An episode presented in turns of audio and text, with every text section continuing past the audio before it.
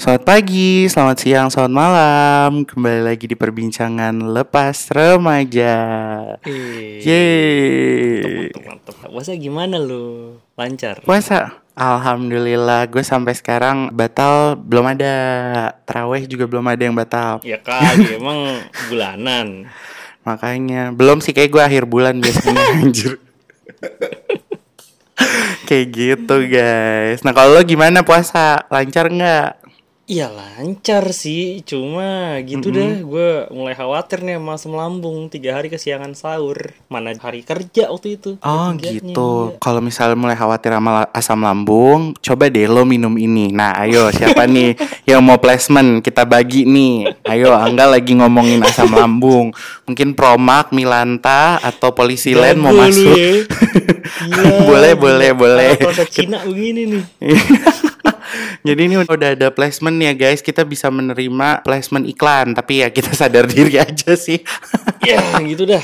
Gue ngerasa Mm-mm. semenjak 2 tahun ini keluar rumah jadi anak indie ya kan independen Ramadan tuh kayak makin berat aja gitu lo ngerasa gitu gak sih Hmm, iya sih, iya banget sih sebenarnya. Kalau buat gue eh, mulai dari 2019 ya kayaknya ya, udah masuk tahun ketiga sih ini jatuhnya.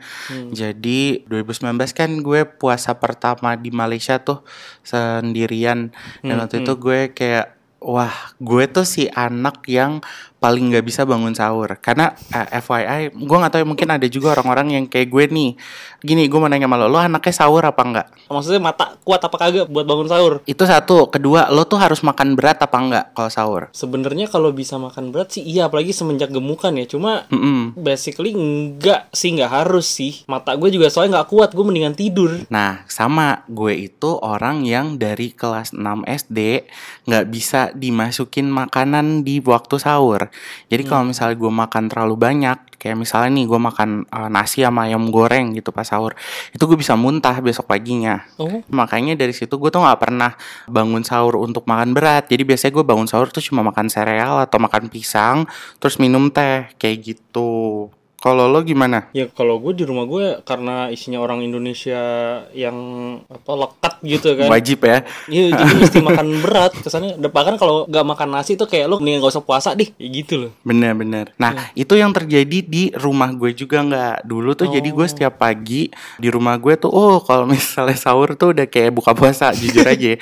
Eh, Mbak-mbak gue tuh kayak setengah empat pagi udah pada bangun, terus habis itu udah eh setengah empat apa setengah jam tiga jam tiga. Terus habis itu mereka udah nyiapin makanan, pada duduk makan semua. Kalau gue si anak yang bangun, ah, dibangunin sama nyokap gue cuma kayak, eh udah mau subuh minum air putih. Gue minum air putih, terus gue tidur lagi. Nah itulah masalahnya. Jadi sejak gue tinggal sendiri, gue tuh sering banget kebablasan kayak gitu. Jadi Sama. misalnya nih, ya kan. Nah, apalagi kan gue kerja shift nih. Waktu tahun pertama tuh gue kerja shift, ada yang sampai jam 11 malam. Biasanya tuh kalau gue udah oke. pulang, nah itu waktu gue pulang, gue biasanya langsung traweh, terus habis itu gue tidur. Nah itu deh gue kagak melek lagi. Nah itu tuh yang bikin terus ya. Ha, kayak gitu. Nah, kalau lo gimana? Lo maksudnya kalau sekarang eh, itu itu tadi ke pengalaman gue ya. Kalau gue lebih ke arah bablas sahur. Selain itu apalagi ya? Ya paling sedihnya sih itu sih kalau buka puasa tuh kayak kalau dulu di rumah kan ya kita datang pulang udah ya udah makan apa aja kita makan gitu kan. Kalau sekarang kan kayak aduh beli apa ya nanti buka puasa. Ngerti gak sih lo? Kayak agak pasti lo ada ada momen di mana lo buntu gak sih? Hari ini gue makan apa lagi ya? Gitu gak sih?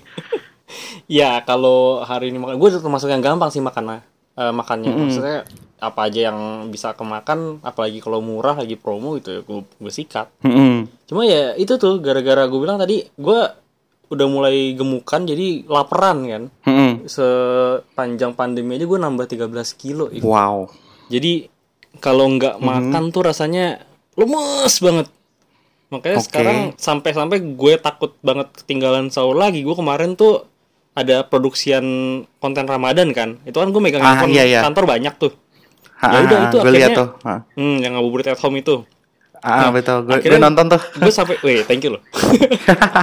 tuh gue sampai minjem ke kantor, gue bilang ke yang tim produk, gue pinjem tiga handphone selama Ramadan ini. Sampai ditanyain buat Oke. apaan lu minjem tiga banyak banget. Lo aja udah megang dua handphone gitu kan.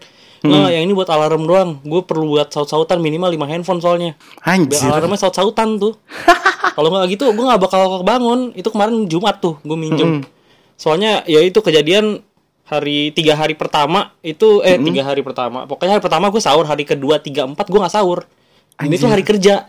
Hmm. Udahlah kerja asam lambung naik tuh otomatis gara-gara stres kan. Jadi, waduh gue udah makin khawatir lama-lama gue nggak punya lambung takutnya sobek. Ah, itu guys, ayo placement yuk, placement yuk, yuk placement yuk. Angga udah kode banget nih guys. Itu ya? Nggak, nah jadi emang eh, gue setuju sih sama lo. Jadi kalau gue penga, berarti ini kita ngomongin eh, selain kita ngomongin puasa indie gitu ya, kita ngomongin juga nih soal pengalaman telat sahur ya. Eh, sedikit ya, sedikit tentang itu. Gue juga pernah sih nggak di bulan puasa kali ini kayaknya kemarin dua hari yang lalu pas puasa hari ketiga ya kalau nggak salah. Jadi tuh gue eh, sama Aswin kan eh, kita pasang alarm kan masing-masing. Terus habis itu kayak eh, nggak tahu kenapa di malamnya itu kita tuh lapar banget tumben. Jadi biasa kan kan buka puasa nih, buka puasa kan gue di kantor kan karena gue bawa bekal, gue buka puasa di kantor sampai rumah teraweh. Terus biasanya kayak cuma misalnya ka- kan yang namanya puasa tuh pasti lo makan cuma sekali terus ada craving manis-manis gitu kan pasti. Iya iya iya lidah pahit tuh soalnya tuh. Asam Ah, naik.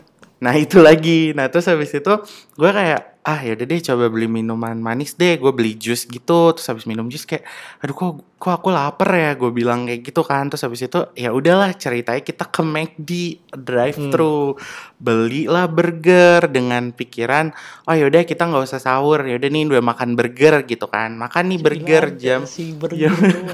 jam 12 malam. Sebenarnya kalau masih jam 12 malam gue makan tuh nggak kenapa-napa. Tapi kalau pagi gue nggak tahu kenapa eh, lambung gue tuh nolak. Kalau lo kan lapar ya kalau gue tuh nolak kalau jam dari gue tuh perut gue mulut gue tuh sebenarnya terkunci. Ini FYI aja ya guys. Gue tuh setiap hari even nggak puasa gue tuh baru mulai makan berat tuh jam 3 sore. Karena gue nggak iya gue nggak bisa. Nggak tahu kenapa. Nggak tahu apa emang lambung gue udah rusak nggak tahu emang eh, biologis jam biologis gue udah rusak gue juga nggak ngerti. Pokoknya ini kalau gue pagi nih gue tuh nggak bisa eh, makan. Saya orang kayak gue kalau ke Jakarta nih gue mau makan bubur ayam nasi uduk tuh gue habis itu mual jadinya.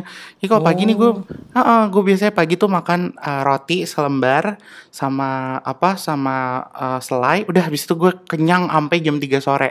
Itu pun roti nggak selalu wajib ya pokoknya yang wajib buat gue tuh teh teh manis. Tapi karena gue udah kegendutan sekarang gue minumnya teh tawar kan. Nah habis minum teh tawar tuh gue bisa nggak makan sampai jam 3 siang. Nah itulah yang eh, terjadi kemarin. Jadi ceritanya eh, jam 12 malam nih udah deh gue makan deh. Kita pesan McD. Habis pesan McD makan double cheeseburger. Terus eh udah ya kan udah makan nih. Kamu juga berarti kayak kalau Aswin kan orangnya harus makan. Gue kan nggak bisa makan. Jadi gue mau nggak mau bangun sahur nemenin dia makan kan. Habis itu gue bilang eh berarti kita nggak usah makan ya nanti pas eh, sahur. Kan udah makan. Nanti kita bangun deket-deket subuh aja buat minum. Gue bilang kayak gitu. Ya udah nah mungkin pikiran dua kayak kebawa kebawa suasana udah kenyang kali ya.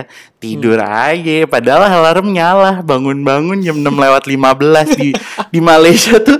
Azan tuh jam 6 jam 6 lewat 15 untungnya ya ini ini sebuah kealhamdulillahannya gue. Gue pas bangun gue tuh bangun karena kebelet pengen pup. Nggak tahu kenapa gue pengen pup tumben-tumbenan.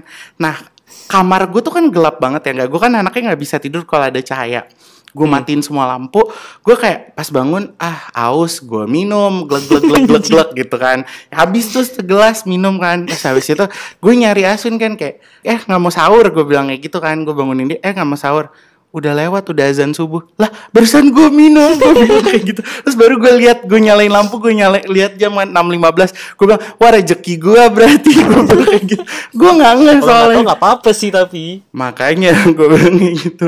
Nah kalau itu pengalaman telat sahur gue sejauh ini. Wah, gua nggak pernah telat sahur yang tiba-tiba minum sih. Maksudnya, karena gua kalau bangun pasti kan ngelihat handphone dulu kayak, ya udah paling agak-agak lesu gitu tidur lagi mau nggak mau kan daripada makin kerasa lapar terus kerasa kayak nggak ikhlas puasanya gara-gara telat bangunnya. Nah, itu kan tadi kita ngomongin soal sahur nih. Nah, sekarang gue mau nanya nih, uh, kita ngomongin selain sahur dan berbuka ya, buka mungkin nanti kita kita runut nih ya, kita ngomongin sahur. Nah, sekarang aktivitas nih nggak semenjak kalau mungkin kan dulu ya kita kan Ramadan ya waktu mungkin baru-baru masih kuliah gitu kan ya udah kelas. Bahkan kalau gue ya dulu untungnya tuh pro- program studi gue tuh dosen-dosennya tuh paling nggak mau ngajar di saat Ramadan dan Christmas. Jadi sebelum Ramadan pasti udah ujian gue jadi abis itu gue libur tuh tiga bulan kayak gitu. Nah itu enak tuh. Jadi libur, jadi gue selama Ramadan jadi pengangguran lah kalau dulu. Paling dulu waktu masih ada Virgin ngurus-ngurusin Virgin gitu kan. Nah kalau lo sendiri be ada beda nggak dulu sama sekarang? Kalau dulu sekarang waktu di rumah ya berarti ya waktu masih sama nyokap ya. Mm-mm. Gue ngerasa beda bangetnya ya kalau di rumah kan dilayanin ya. Maksudnya kayak anggaplah gue manja gitu. Mm-mm. Yang beda ya gue biasa dibangunin. Mm-mm. Nah, dibanguninnya nyokap tapi tuh agak agresif. Jadi gimana pun caranya ya kayak tadi gue bilang kan keluarga gue kan Indonesia banget. Jadi kalau yang namanya sahur tuh kudu makan berat. Gimana Oke. pun caranya. Itu gue pernah baru selesai nugas jam 2-an, gue minta tidur, nggak usah dibangunin. Cuma kayak nyokap gue udah masa bodoh, akhirnya ya udah gue tetap dibangunin dengan gimana pun caranya. Salah satu caranya adalah disiramin air. Bener-bener kayak nyokap gue tuh ambil gelas, terus di udah kayak dukun tuh, ciprat-cipratin ke gue apa gue bangun. Demi Allah nyokap gue juga pernah kayak gitu. Iya kan? Sumpah sumpah sumpah. Iya iya iya. Gue gak tau Diciprat. kenapa di Indonesia tuh wajib banget lo bangun sahur gitu loh. Maksudnya, Iya. Emang kalau sahurnya dianjur sangat dianjurkan, cuma Hmm. kan gimana ya agak kejem gitu. Anjir anjir anjir. Nah itu kan tadi sahurnya nggak. Nah kalau sehari-hari nih. gue lagi padat ya karena banyak campaign ya. Jadi bedanya adalah karena namanya karir kan pasti ada perubahan lah biarpun itu sedikit. Jadi kalau sekarang ini lumayan nambah campaign yang dipegang, so otomatis bedanya dulu sama sekarang ya dulu less stressful sih. Sekarang Oke. more stressful. Makanya gue bilang gue khawatir karena biasanya itu udah mulai masuk masuk jam kantor jam 8.30 ja- sampai ke jam 10-an itu tuh udah mulai deg-degan kira-kira ada kejutan apa lagi nih yang bakal muncul gitu kan dari kerjaan. Soalnya yang jam-jam krusial tuh justru jam segitu tuh. Iya. gue kayak yang baru bangun belum belum ngerasa siap dan nggak pernah ngerasa siap Mm-mm. Cuma kalau tiba-tiba datang kerjaan otomatis ya jadi ekstra mikir kan. Mhm. Terus ditambah kemarin tiga hari gue telat sahur, otomatis jadi agak lebih berat aja sih. Untungnya, tapi untungnya itu karena di rumah aja. Maksudnya kan gue nggak ke mana-mana. Jadi kalaupun padet nih pala, gue bisa sambil ngeringkuk dulu buat nenangin diri itu. Bener. Itu kalau misalnya lo tuh jam-jam segitu tuh apa pas jam-jam lapar lo, apa jam-jam aus lo gitu atau gimana? Biasanya oh, aus sih yang gue susah banget. Ini Iya, iya. susah banget tahan aus sih. Mm-mm. Gila, itu gimana ya? Kalau apalagi kalau di dalam ruangan terus ruangan berasi kan Wah, lama-lama iya tenggorokan kering ya. Parah, bener ya. Uh, cobaan paling berat puasa tuh minum sih, dahaganya nahan dahaganya itu sih. Tapi kalau lagi meeting, bah. udah udah reak tuh kayak udah kagak ada Iya, gitu ya, uh, udah elah. habis gitu kan. udah udah habis-habisan gitu kan. Nah, kalau lo bilang kan sekarang aus nih, mungkin kan karena kita juga aktivitas kita sehari-hari eh, banyak harus eh, mengeluarkan cairan tubuh dan kekurangan ion. Gimana Pokari Sweat mau placement Iya, nggak? bangsat.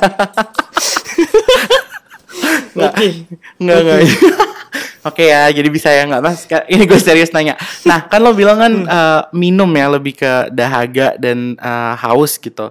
Nah kalau perbedaan antara waktu lo kecil dengan lo sekarang itu eh, sama-sama lo masih nggak bisa nahan haus atau dulu tuh lo lebih nggak bisa nahan lapar bisa nahan haus atau eh, kebalikannya. Kalau gue ya jujur aja nih gue tuh orang yang paling nggak bisa nahan aus waktu kecil. Bahkan ya gue dulu zaman SD tuh sering banget ya kayak kalau misalnya eh, apa pulang sekolah tuh siang-siang tuh kayak nyari keran kumur-kumur kumur-kumur terus gue buang airnya tapi ada sisa sedikit gue telen gitu kan saking gue ausnya terus habis itu gue juga pernah pura-pura lupa gitu terus habis itu tapi di, di sumpah gue pernah loh saking Bocah dulu. iblis. zaman bocah hewa gitu kan gue pernah kayak pura-pura lupa gitu itu gue masih tinggal di rumah gue yang di Depok dulu Eh, apa? Lo bayangin ya gue tuh SD di Jakarta di Menteng rumah gue di Depok tiap hari. Kebayang gak sih kesiksanya anak seumuran gue pada saat itu?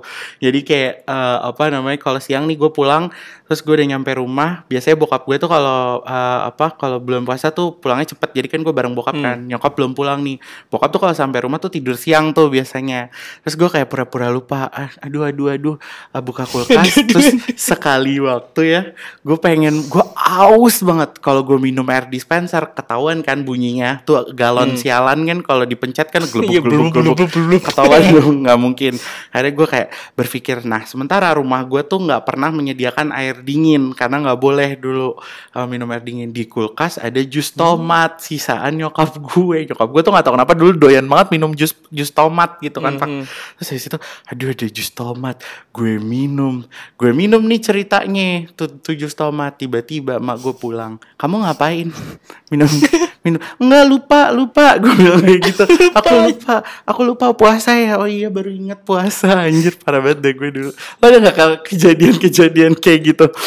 Gue tuh gak pernah eh, trust me gue tuh anak yang dimanja banget waktu kecil. Oke. Untungnya nggak keterusan. Nah dimanjanya gimana? Gue jadi gini kalau SD gue udah mulai puasa itu dari kelas 4 SD seingat gue 4 SD itu tiap pulang sekolah kan dulu kalau SD jam berapa sih? Jam 11 jam 12an udah balik kan? Mm-mm. nah balik sekolah ya udah kerjaan gue cuma tidur sampai maghrib. Anjir makruh banget Iya. puasa lu. Ayolah, peduli apa duluan masih kecil? Bener bener bener. Tapi itu dong paling bangun buat ngaji selesai ngaji ya langsung itu buka Ya enam kan. Habis itu Iya, lalu bener. buka udah gitu doang. Dulu pas gue ringan banget. Nggak ada. Eh, udah gitu rumah gue deket dari sekolah. Iya anjir deket banget rumah lo. Iya kan? Se- Sekelibat nyampe. Terus ah nah tapi lu eh, dulu lebih nggak bisa tahan aus apa lapar? Terus sekarang lebih nggak bisa tahan aus apa lapar? Kalau gue sekarang lebih lapar sih Gue gak tau kenapa gue laparan anjir sekarang. Kalau dulu ya karena kerjaan gue bangun apa sekolah cuma bentar habis itu tidur Ja- jadi nggak nggak kerasa lah nggak nggak berat sama sekali. Tapi ketika udah oh kelas 6 SD kan gue gemuk banget ya ausnya sih. Tetap sih dari dulu aus sih yang Air ya. nggak bisa gue tahan. Maksudnya bisa tahan tapi susah banget gitu Hmm bener-bener Soalnya kita punya ini ya Apa punya kantong air yang lebih Iya. banyak kayak dibanding orang karena gue kurus ada ya gitu potensi-potensi besar kan jadi Bener besar badan kan jadi ya butuh asupan air yang lumayan gede sih. Dan jangan lupa ekskresi sistem ekskresi tubuh kita Oh, iya. kayak lebih lebih berat juga ya. Eh tapi yang enggak gue perhatiin lo juga anaknya waktu lo kurus pun lo keringetan. Iya gak sih? Ih, banget, gampang banget, keringetan banget, kan. banget Nah, banget banget banget it- itu makanya kayaknya mungkin gara-gara kita kita nggak ngapa-ngapain aja bisa jadi kalau keringetan gitu kan. sih heeh, heeh. Ah, ah. Hydro Koko mau masuk? Boleh. gila udah nyebut berapa Nggak apa-apa. Coba. Panggil-panggil aja dulu Iya, kali iya aja sih, deh iya nyangkut. iya bener bener bener bener fake ya jatuhnya ya gitulah fake it till you make it gak sih jatuhnya nggak ya Betul. nggak fake it juga sih Nggak fake it ini real loh. Aku jujur aja ngarep ya. kan. Eh, di rumah aku selalu setia Pocari Sweat. Itu nggak bohong. Karena emang mau di endorse nggak di endorse juga gue pasti sedia Pocari Sweat gitu ya. Terus Hydro Coco juga. Cuma karena sekarang di Malaysia gue nggak nemu Hydro Coco jadi ya maaf ya kayak gitu. Dari tadi kita bahas sahurnya doang. Buka puasa gimana? Lo kangen gak sih makanan atau makanan rumah lah atau makanan di sini nih yang lo nggak temuin di sana? Ah buka puasa Em, kita ngomongin hydro koko lagi ya. Jadi tadi kan itu salah satu yang gue kangenin soalnya jujur aja. nggak nggak. Jadi em, jujur ya, gue itu eh, ih, ini iya aduh gue nyebut merek lagi. Tapi ini gue beneran kangen. Gue bener sekangen itu. Lo tau gak gue kangen minum apa? Buka puasa. hmm. New green tea rasa madu demi Allah gue masih ada ya New Green Tea rasa madu I don't know. The last time gue di Indo masih ada. Makanya kayak itu tiga tahun yang lalu gitu. Kalau masih ada tuh kayak karena gini nggak di sini ada warung Indonesia. Tapi tuh yang masuk kalau teh botol kan ya emang udah mendunia banget ya. Maksudnya nggak usah kita omongin juga teh botol tuh pasti ada di mana-mana lah gitu. Maksudnya dia Ya, kayak Indomie lah levelnya ya. Ah, ah, udah levelnya Indomie. Nah, terus habis itu kalau teh botol tuh gue bisa find it uh, easily gitu loh di toko-toko Indonesia di sini bahkan di pom bensin juga bisa gue nemu teh botol karena emang uh, udah local lah gitu hitungannya. Kalau teh pucuk juga gue suka, tapi gue lebih ke new green tea sih. Maksudnya gue ini gue ngomongin craving gue ya, gue gue craving banget new green tea rasa madu itu satu. Kedua Oke. serabi, gue lagi pengen banget makan serabi coy, bener-bener kayak Serabi, kayak unik ya. serabi enak gak sih? Ya gak sih makan serabi buka puasa Enak gitu. sih lembut gitu kan Maksud lo Iya. Hmm. kayak Terus manis gitu Jadi kayak lapar lu langsung Ketika hilang lidah lu juga langsung gak pahit lagi gitu kan Serabi mana yang rekomendasi lu? Oke, gue punya rekomendasi serabi. Jadi kita tuh dulu si orang yang bikin serabi ini itu sebenarnya ditemukan secara tidak sengaja mas pupu gue.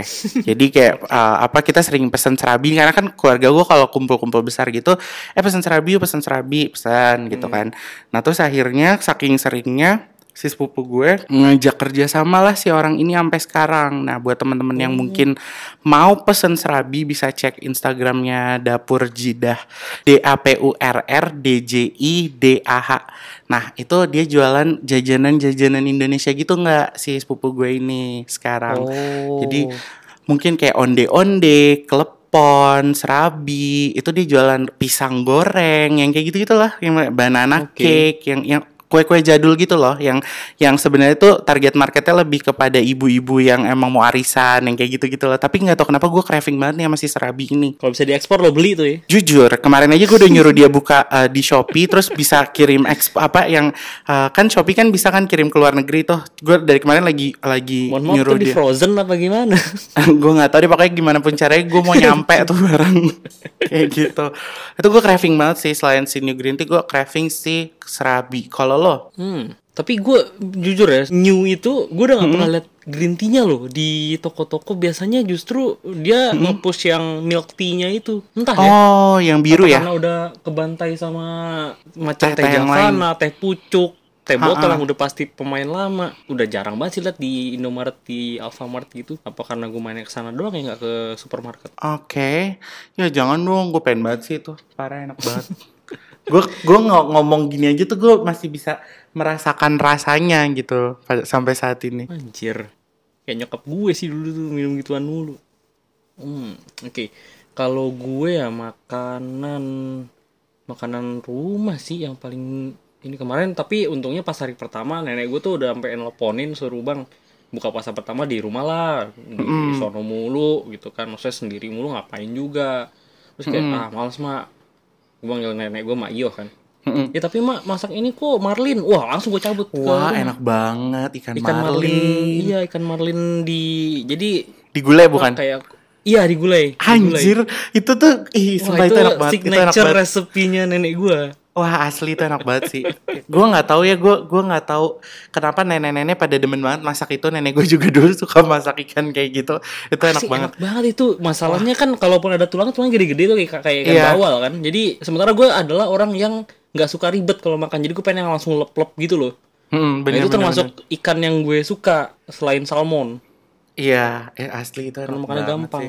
BTW kan tadi kita kan udah cerita nih soal eh, apa namanya Ramadan kita yang kebetulan kita berdua nih sekarang udah jadi anak indie guys, gitu kan Hmm, ibaratnya. hmm, Jadi kalau sekarang kita kemarin kan kita ada share juga ya seperti biasa Yes. di eh, warga-warga mascot-mascot sekalian. Nah, gue mau bacain beberapa respon nih. Lo dulu apa gue dulu nih kira-kira yang mau bacain? lu dulu deh lu dulu Oke. Kayak lu lebih rame soalnya ah enggak nih sepi nih gitu. Apa apa ya guys? Jangan sepi-sepi dong ayo dong support kita dong biar cepet-cepet dong. Biar brand biar ada brand placement bisa gitu. gitu. ini. Bener kita butuh tap in nih guys. Nggak nggak bercanda. Jadi kalau yang gue suka itu kemarin kemarin gue dapat beberapa respon yang menarik tapi gue akan cuma bacain mungkin dua atau tiga ya. Hmm, yang gue suka itu pertama Uh, Oke, pertanyaan yang gue lemparkan, yang dilemparkan PLR kan, yang beda dari Ramadan setelah keluar rumah. Nah, ada satu yang respon kangen ngumpul sama family and sepupu. ketawa sampai bego, sholat raweh, ngopi, nyemil, etc. Ini menurut gue, gue banget sih. Jadi, jadi ini kebetulan yang ngerespon adalah eh, temen gue, eh, dia dokter dan sekarang lagi tugas di NTT. Shout out to Dona. Jadi eh, apa dia lagi lagi eh, tugas di NTT dan gue dan tipikal keluarganya dia ini sama kayak keluarga gue Keluarga yang besar yang ngeriung kan. ah yang kayak Ya, gitu riung, iya, iya, ngeriung iya, iya. gitu modelnya nah dia tuh de- karena kita temenan dari SMP ya maksudnya gue tahu bahkan ada sepupunya dia beberapa yang gue kenal juga gitu dan dia tuh tipikalnya yang kayak setiap minggu ngumpul bahkan kayak setiap hari deh kayak keluarga gue juga soalnya modelnya kayak gitu Ada Nah, aja nyamper-nyamperin gitu kan ketemuan. Bener, nah itu sih yang pas dia ngepost itu gue kayak anjir ini relatable banget sih. Jadi kalau buat gue tuh kayak emang sejak tinggal sendiri, karena kalau lo kan tinggal sendirinya by choice kan, maksudnya by choice dan emang juga lo tuh secara jarak untuk nyamperin keluarga lo tuh you can come anytime gitu kan, Anytime, ya. basically. Nah kalau gue tuh kan udahlah, ya ini by choice juga sih, cuma maksudnya secara jarak kan jauh dan keadaannya nggak memungkinkan banget nih saat ini untuk gue balik dan berkumpul. Jadi tuh pas gue baca itu tuh gue kayak anjir gue kangen banget sama adik-adik sepupu gue, sama kakak kakak gue, tuh sama ponakan-ponakan gue kayak gitu. Karena dulu tuh hampir tiap hari tuh kita eh, buka puasanya selalu di rumah gitu bareng-bareng. Jadi semuanya ngumpul di rumah. Terus habis kayak rumah nenek lo gitu nggak? Kayak ngumpul satu. Terus habis itu terawih bareng. Terus habis itu baru pada pulang. Besokannya gitu lagi. Nah itu sih yang bikin gue kangen banget. Nah itu satu dari gue. Sekarang satu coba dari lo dulu nggak? Ada lagi nggak? Ada nih, ada nih. Jadi kan, nah ada yang jawab waktu masih kos lebih mandiri dan lebih sehat karena makanannya diatur sendiri. Ini sebenarnya lucu sih kayak kebalikan gue mikirnya soalnya kalau orang yang tinggal di rumah Hah? justru kan ya hidupnya lebih teratur, Teratur dong, ya? lebih, Iya, benar-benar. lebih dirawat gitu kan. Tapi kalau balik lagi ke pola pikirnya, terutama orang tua yang udah lebih berumur ya, yang saya sepuhnya lah. Lu tahu kan kalau kadang kita lagi makan baru dua suap udah ditambah udah disuruh eh tambah lagi tambah lagi tambah lagi. Ya iya sih dibilang lebih sehat juga kagak. Yang ada lu kebanyakan makanan gitu kan maksudnya bisa bisa jadi diabetes mah kalau disuruh nambahin nasi ya gak sih? Hmm. Ini unik sih. Maksudnya kayak ketika ngekos, iya bener lo lebih mandiri, lebih ngelatih time management, terus juga lo punya skill-skill baru kayak mungkin masak atau apa gitu kan dan secara lo ngatur hidup lo sendiri, asupan makanan lo pun lo atur sendiri gitu loh. Betul. Jadi ini adalah satu apa ya? Ini satu Kontradiktif. em, pengalaman yang kontradiktif di pikiran gue karena ternyata secara praktisnya bisa lebih apa sih lebih teratur kalau lo hidup sendiri. Sendiri. Ah, ah. Ya ini Adalah- tergantung emangnya orang orangnya kayak disiplin banget sih. kalau yang nggak disiplin kayak gue ya udah bablas terus yang ada asam lambung naik kan. Bener. Mungkin kalau dia mikirnya, aduh kalau di rumah nih gue dicekokin makanan mulu nih kayak gitu. Kalau gue tinggal sendiri kan gue makan suka-suka hati gue gitu kan. Mungkin dia sebenarnya lagi punya goals untuk diet kali ya. Bisa jadi. Oke, lanjut ya gue bacain yang berikutnya nih. Oke, tadi kan si Dona. Oh, ini ada satu lagi nih gue ke skip kemarin. Ramadan tahun ini begadang lagi sama newborn untuk nggak ada beduk keliling. Kalau ada makin Jadi ini Wah, yang asli. ngerespon salah satu temen gue namanya Kak Via Sakinah.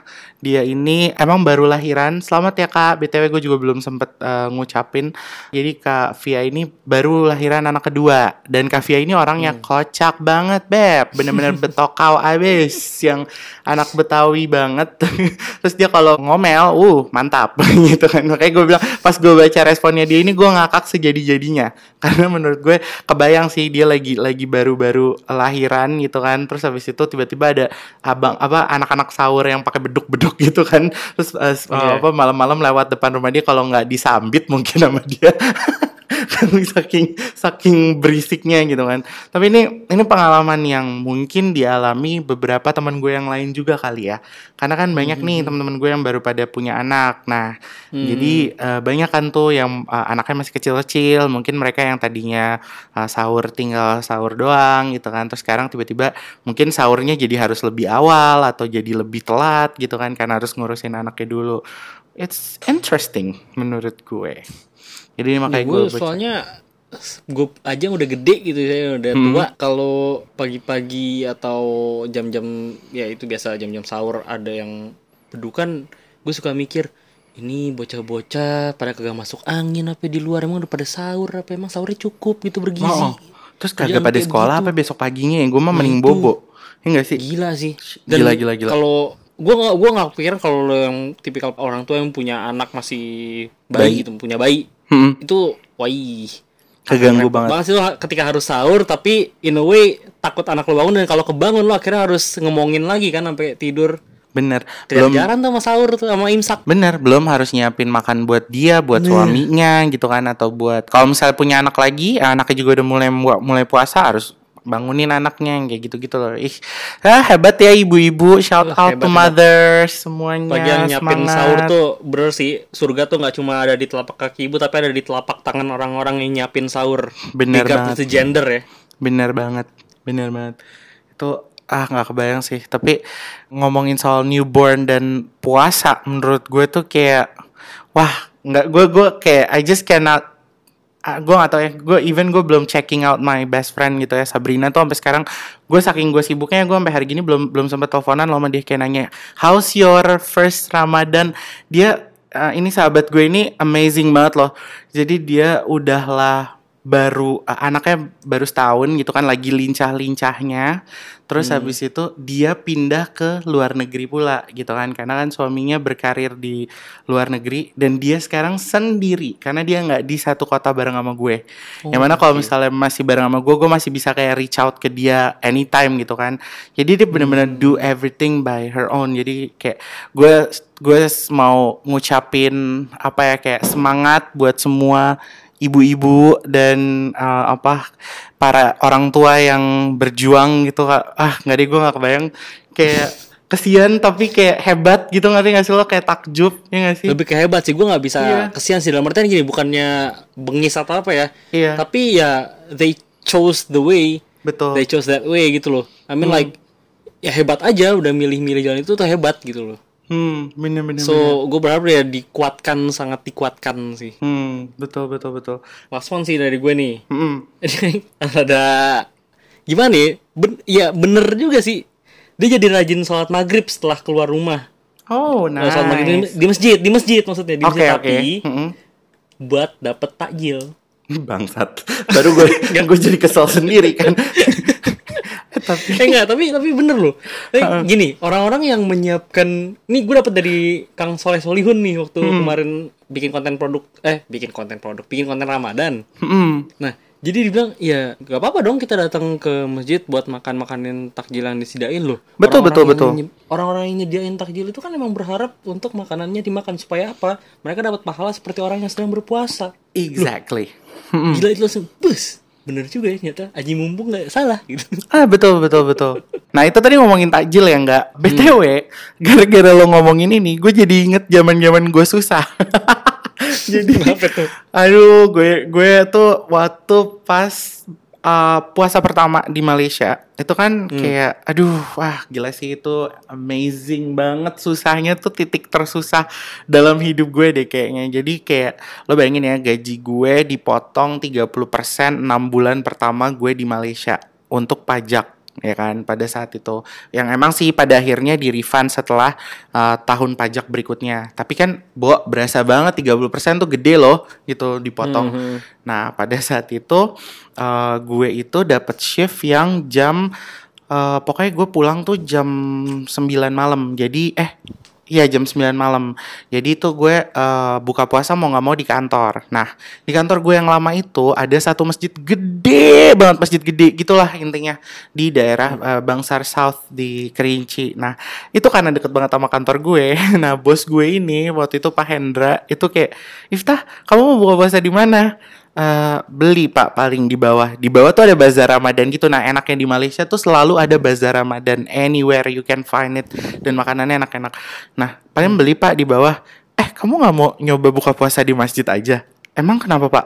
Gratis loh katanya kayak gitu kan. Gue kayak Oh serius pak? Jadi kita boleh boleh gitu pak datang? Karena gue nggak pernah Gue kan ya maksudnya bu- Bukannya sombong atau apa ya gue nggak pernah tahu gitu loh nggak di Indonesia juga pasti ada di masjid-masjid besar seperti itu Hmm. Selalu, Istiqlal. nah kayak gitu tuh pasti ada kan even masjid uh, lokal juga pasti ada.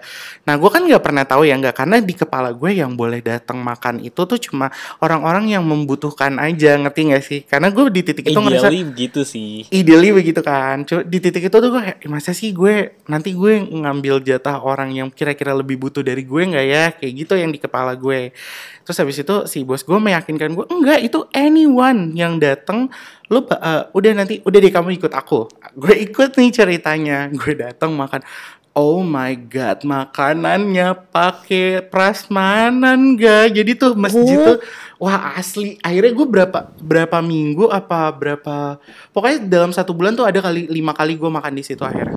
Saking kayak oh lumayan nih buat ngemat duit. Emang emang gue terus gue Iya pikir oh gue gue juga butuh sih gue miskin gue mikirnya kayak gitu.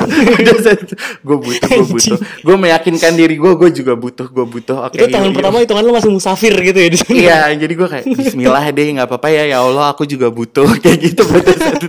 Dan gue berterima kasih banget sama bos gue pada saat itu mengenalkan gue dengan itu gitu kayak. Jadi tuh eh, jam eh, apa mau deket-deket maghrib itu orang-orang duduk panjang. Jadi di si masjid itu bawahnya ada kayak hall gitu nggak ada kayak convention hallnya buat orang kawinan. Nah, jadi kita duduk di situ tuh ngelembreh apa kayak ngemper gitulah, duduk eh, saungan gitu terus digelarin makan kayak makan nasi liwet gitu panjang banget. Ya udah terus lauknya tuh setiap hari ganti. Gila nggak lo? Jadi bukan nasi box yang kayak nasi box yang abal-abal gitu Tiap hari enggak. itu, itu aja gitu kan. Ha-ha, minumannya ada es buahnya, ada air putihnya, ada sirupnya, ada tehnya, ada korma. Itu tuh gue kayak gue nanya Pak ini yang yang yang apa bikin pe- dewan masjidnya atau gimana sih gitu? Enggak ini tiap hari ada aja pasti yang sedekah beda-beda orang-orang kaya. Oh oke bagus kalau kayak gini caranya gue tiap hari ke sini aja pada saat itu. Tapi itu it's a good thing loh sebenarnya buat Iya, kalian. iya, iya, iya. Hmm. Jangan malu-malu guys kalau emang kira-kira butuh. Udah sikat aja. kalau juga paham. Allah juga Allah maha memahami ya. Bener. Ya Ya, maha Allah. Bener ya ampun. Eh, ya. Hmm, Hmm. oke. Kalau misalkan gue dari terinspirasi sama si Kang Soleh sih. Maksudnya dia bilang Oke. orang yang memberikan makanan, Makanan. gitu Hmm. kan, itu bakal memberikan makanan buat orang yang berpuasa itu pahalanya sama kayak orang yang berpuasa itu sendiri kan. Betul. Gimana kalau kita bagi-bagi makan juga? Oh Kita boleh dong. bagi-bagi PLR lah. Mau dibaca bagi-bagi PLR kan terserah deh. kita bagi-bagi rezeki ya. Nah ini guys, jadi ini, Hmm. ini kita eh, nanti eh, apa teknisnya gimana di Instagram atau di Twitter ya enggak ya berarti ya. Yoi. Cuma kita kita mau ngasih tahu aja nih, kita berhubung tadinya itu kita mau bikin bagi-bagi makanan di kayak dulu ya enggak ya zaman-zaman Tajil FM gitu ya, kayak Hmm. seru-seruan ketemu orang ke panti. Dulu kita pernah ke mana tuh? Yang panti orang tua ya. Panti Reda, Ah, daerah Panti Reda. Nah, yang kayak gitu-gitu cuma karena kondisinya nggak memungkinkan saat ini dan juga eh, kayak ya kita juga nggak mau bikin huru hara gitu ya dengan pemerintah. Gitu. Jadi kita mau bagi-bagi makanan secara virtual aja nih. Maksudnya bukan berarti makanannya juga virtual lo download ya kayak gitu. cuma kayak nanti kita pilih siapa yang eh, beruntung eh, kita mau kirimin eh, jajanan dari dapur Jidah. Nah, tadi itu bisa bisa jadi serabi, bisa jadi klepon nanti dilihat aja di Instagram gue atau di eh, Instagramnya Angga atau di Twitternya Angga. Kita akan eh, kasih tahu teknisnya kayak gimana. Terus nanti yang beruntung bakal gue kontak dan gue kirimin langsung gue send ke alamat yang kalian inginkan Yoi. untuk kita kirimkan makanannya kayak gitu. Oke, jadi stay tune buat ikutan bagi-bagi PLR. Betul. Ini akan berlangsung selama bulan Ramadan ya. Jadi tiap Yoi. tiap tiap episode beda-beda vendor nih, kayak gitu ya. Nanti kita cari lagi. Anjir, kita cari lagi nih Kalau mau rekomendasi. tap in juga boleh. Iya, kalau mau tap in dengan senang hati guys, kita tap in walaupun belum banyak ya. Cuma kan lo nggak tahu tahun depan tiba-tiba kita meleduk gitu kan. Oh, Hmm, aku ya pernah kan? tap in loh di situ. Wah, itu itu keren sih kalau bisa gitu. Nih jangan sampai gue terus nih yang tap in nanti Virgin apa gue mulu nih Nih alamat nih Alemong gue mulu nih yang tap in bau-baunya kayak gitu. Udah oke. Jadi Well, cukup ya untuk episode Yap. kali ini. Oke. Oke, thank you so much guys. Jangan lupa untuk dengerin terus PLR Special Ramadan setiap hari Senin seperti biasa jamnya jam 6 atau jam 7 gue lupa. Pokoknya 6 KL atau 7 KL atau pokoknya jam 6 jam 7 sore lah kita pasti udah upload di Spotify dan ayo ikutan kuisnya. Mungkin kalian juga punya teman-teman yang kira-kira lebih membutuhkan untuk ikutan eh, apa kuis atau bagi-bagi hadiah bagi-bagi makanan kita ini eh, diajakin aja kayak gitu. Nanti siapa tahu aja dia jadi seneng dengerin kita juga. Untuk untuk episode kali ini gue Ifta. Dan gue Angga. terima kasih telah menghubungi eh menghubungi. Ya Allah. Maaf, maaf, maaf. sorry guys. Kita ulang ya. Sorry sorry. Gue berasa lagi telepon sama customer. Oke. Untuk agak kesebut mereknya ya Allah mati gue. Oke, sekali lagi ya guys, terima kasih banyak telah deng- mendengarkan perbincangan lepas remaja episode 13 kali ini. Jangan lupa untuk dengerin terus dan jangan lupa untuk tag kita dong kalau kalian lagi dengerin ya kan, biar Yoi. kita bisa repost-repost kan lumayan ya, ada exposure kayak gitu. sekali lagi thank you and selamat pagi, selamat siang, selamat malam. Dadah. Dadah. Selamat puasa guys. Mas Cot, masih punya waktu lengang? Masih dalam perjalanan? Masih butuh hiburan sembari mengerjakan banyak hal? Pas banget nih! Jangan lupa cek episode PLR sebelumnya ya. Perbincangan lepas remaja.